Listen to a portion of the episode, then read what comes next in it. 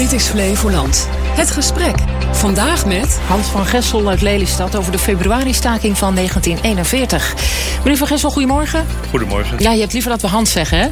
Ja, liever wel, ja. Nou, gaan we dat doen. Uiteindelijk heet ik zo. Ja, zo is het. Uh, die februari-staking die was op uh, 25 en 26 februari 1941. Uh, dat is 83 jaar geleden. Nou, u, u wordt bijna 80 jaar. U heeft hem dus zelf niet meegemaakt. Maar u heeft er wel heel veel verhalen over gehoord. Dat klopt. Ja, vertel, wat, wat waren dat voor verhalen? Nou, dat waren natuurlijk een heleboel verhalen. Maar om het een beetje beknopt te houden. Uh, mijn vader en moeder, niet te vergeten, zaten beide in het verzet. Hebben beide ook veel dingen meegemaakt. Maar ook de familie eromheen, ooms en tantes van me, dat waren allemaal uh, communisten in Amsterdam. En ja, dat waren allemaal mensen die ook allemaal deelnamen aan het verzet in mindere of meerdere mate. En dat was ook behelst ook eigenlijk wel alles. Tot, tot en met uh, wat je dan wel eens hebt gehoord... dat uh, mensen dus uh, moesten verdwijnen uit beeld. Tot zelfs dat. Ja. Na de oorlog wilde hij er eerst helemaal niet over praten. Mijn vader dan. Mm -hmm. Mijn moeder wel. Die vertelde alles. Dus ik wist toen ook een hoop. Bovendien kwam er heel veel familie over de vloer. En het ging altijd maar over één ding. Het ging over de oorlog. Over het verzet. Over waar ze het niet mee eens waren. En dat was dan altijd monden uit in heftige politieke discussies. En ik luisterde. Ja, kleine potjes hebben grote oren. En ik heb het Je weet het toch? Mijn geheugen is een beetje vreemd zit het in elkaar. Ik weet vanaf mijn derde jaar... Oké, okay, dat is weet lekker ik vroeg. veel wat er met me gebeurd is. Ik kan me een heleboel dingen ook gewoon herinneren als de dag van gisteren. Oh. En dat is heel vreemd. Ja, Uh, maar toch? Ik, ik weet alles van mijn schooltijd. Ik kan alles zo opnoemen wat er, wat er is gebeurd. En wat, wie er waren. En uh, de namen, toenamen. Wat ze deden. Ik, vond het, ja, ik, ik heb een raar geheugen. En nou ja, ik, ik, ik, ik onthoud. Ja, die, die verhalen hè, over de oorlog en over die februari-staking... Ja, die, die, die maken natuurlijk ook een diepe indruk. Ja, dat, uh, ik, ik heb al met rode oortjes gezeten. Want ondertussen, uh, al het nieuws wat ik tot me kon nemen... ik zat zelfs de waarheid uh, te spellen.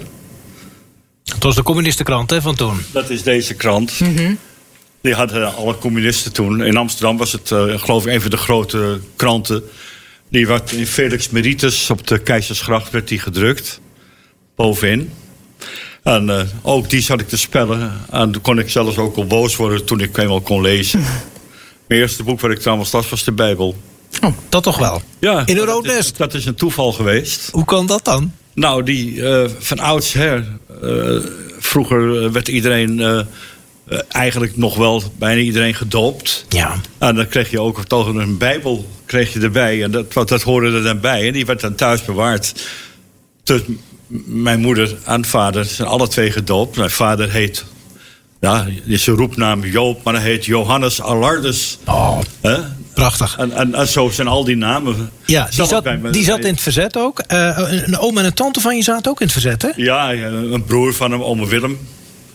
Uh, uh, het is ook een, Willem Frederik van Gessel was dat. Ja. Ja, dat is mijn geheugen. Gek. Ja, ja nee, maar die, die, die zaten er allemaal in. Maar die is op 62-jarige leeftijd al overleden. Ach, dat is vroeg. Ja. Mijn vader is nog 78 geworden, dus dat ging nog wel. Ja. Nou is die februari-staking, hè, dat, Ja. dat was uh, het, het enige brede protest van burgers tegen de Duitse bezetter. Hè, tegen de, de acties uh, tegen, Joodse, tegen de Joodse bevolking.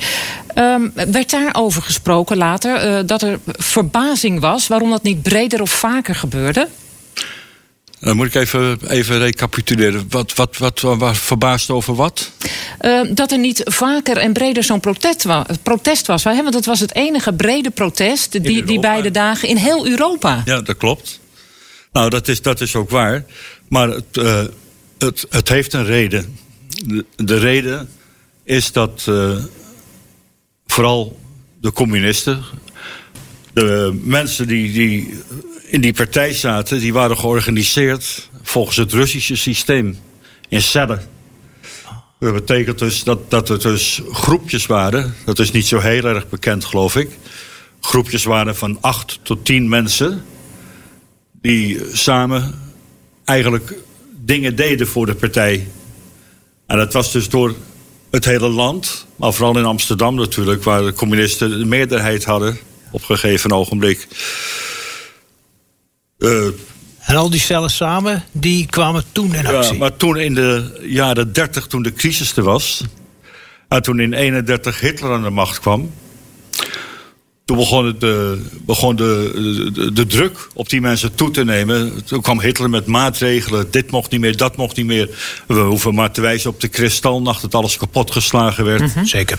Uh, het was niet echt mooi kristal hoor. Het was gewoon glas van winkels en wat maar u had het over die, die communistische cellen, die groepen. Um, en, en, maar die vielen dan uit elkaar. En daardoor was er niet een breder protest. Nee, nee die vielen helemaal niet uit elkaar. Oh. Nee, die bleven dus als groep heen. Ja. En, uh, en tijdens de oorlog waren het nog steeds groepen. Toen werden het verzetsgroepen van acht tot tien mensen. En op het moment dat er dus iemand gearresteerd was, mochten ze doorslaan. Ze mochten vertellen wat ze wisten. Ze wisten niet veel, ze wisten wat ze nodig hadden om het te werken. Het groepje was zo klein natuurlijk.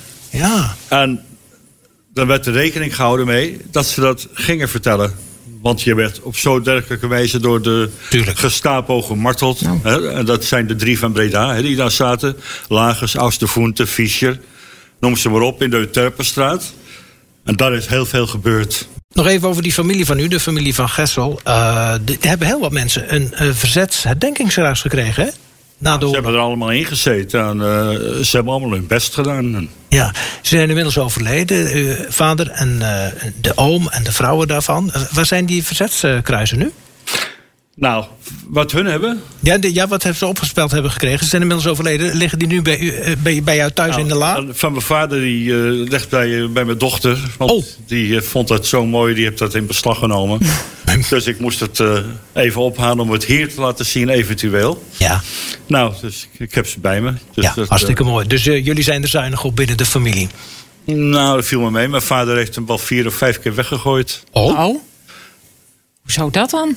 Nou, dat kwam, dat kan ik u ook wel uitleggen. Dat, kwam, dat er in het nieuws kwam dat een of andere deftige meneer uit de regering ook een verzetskruis had gekregen. Oh. En dan zei hij, als die hem krijgt, hoef ik het ding niet meer te hebben. Oh, daar wilde hij niet mee geassocieerd worden. Nee. Juist. Is wat. Ja. Maar dan had hij er toch wel een beetje spijt van. Hij heeft één keer een duplicaat aangevraagd. En voor de rest heeft mijn moeder hem steeds uit de vuilnisbak gevist. nou ja, gelukkig maar. Ja. Nou ja. Hartstikke slim van je moeder. in die tijd, hè? Ja. ja. Maar u bent daar wel trots op, nee, neem ik aan. Ik, uh, ik, ja, ik ben er trots op. Ja. ja. Um, het is zo weer de herdenking van de februari-staking. Ja. ja. je bent al bijna 80, Hans. Ga je er nog heen naar Amsterdam of volg je nee, het op de televisie? Ik, uh, ik, ik, ik, rij wel auto nog, ja. maar het parkeren is daar zo'n probleem. Dat, uh, ik, ik, ik zie het wel op het journaal en als er wat op televisie komt, dan volg ik dat. Ja. Ik, uh, ik ben er, als kind kwam ik er altijd met mijn vader en moeder natuurlijk. Ik, ik weet nog dat je op het Waterloopplein was. Bij, hè, dat, toen stond de dokwerker er natuurlijk Zeker. nog niet. Nee, maar nu wel. Bekende beeld. En dan was, liep het vanaf de Blauwbrug tot aan waar nu de dokwerker staat. En over beide Waterlooppleinen liep het helemaal vol met mensen. Ik heb nog nooit zoveel mensen bij elkaar gezien. Dat is altijd indrukwekkend. Wat, wat, wat kunnen we vandaag de dag nog leren van die februari-staking? Het was natuurlijk een, ja, een, een, krachtig symbool van verzet. Wat kunnen we daar vandaag de dag nog... Uh... Nou, we zouden ervan kunnen leren. Dat we ons ergens niet mee eens zijn. Dat we veel kunnen bereiken. Ik propageer geen stakingen hoor, zo, dat niet. Maar je kan, samen kun je veel bereiken als je, als je er goed over nadenkt. En goed over nadenken is van belang.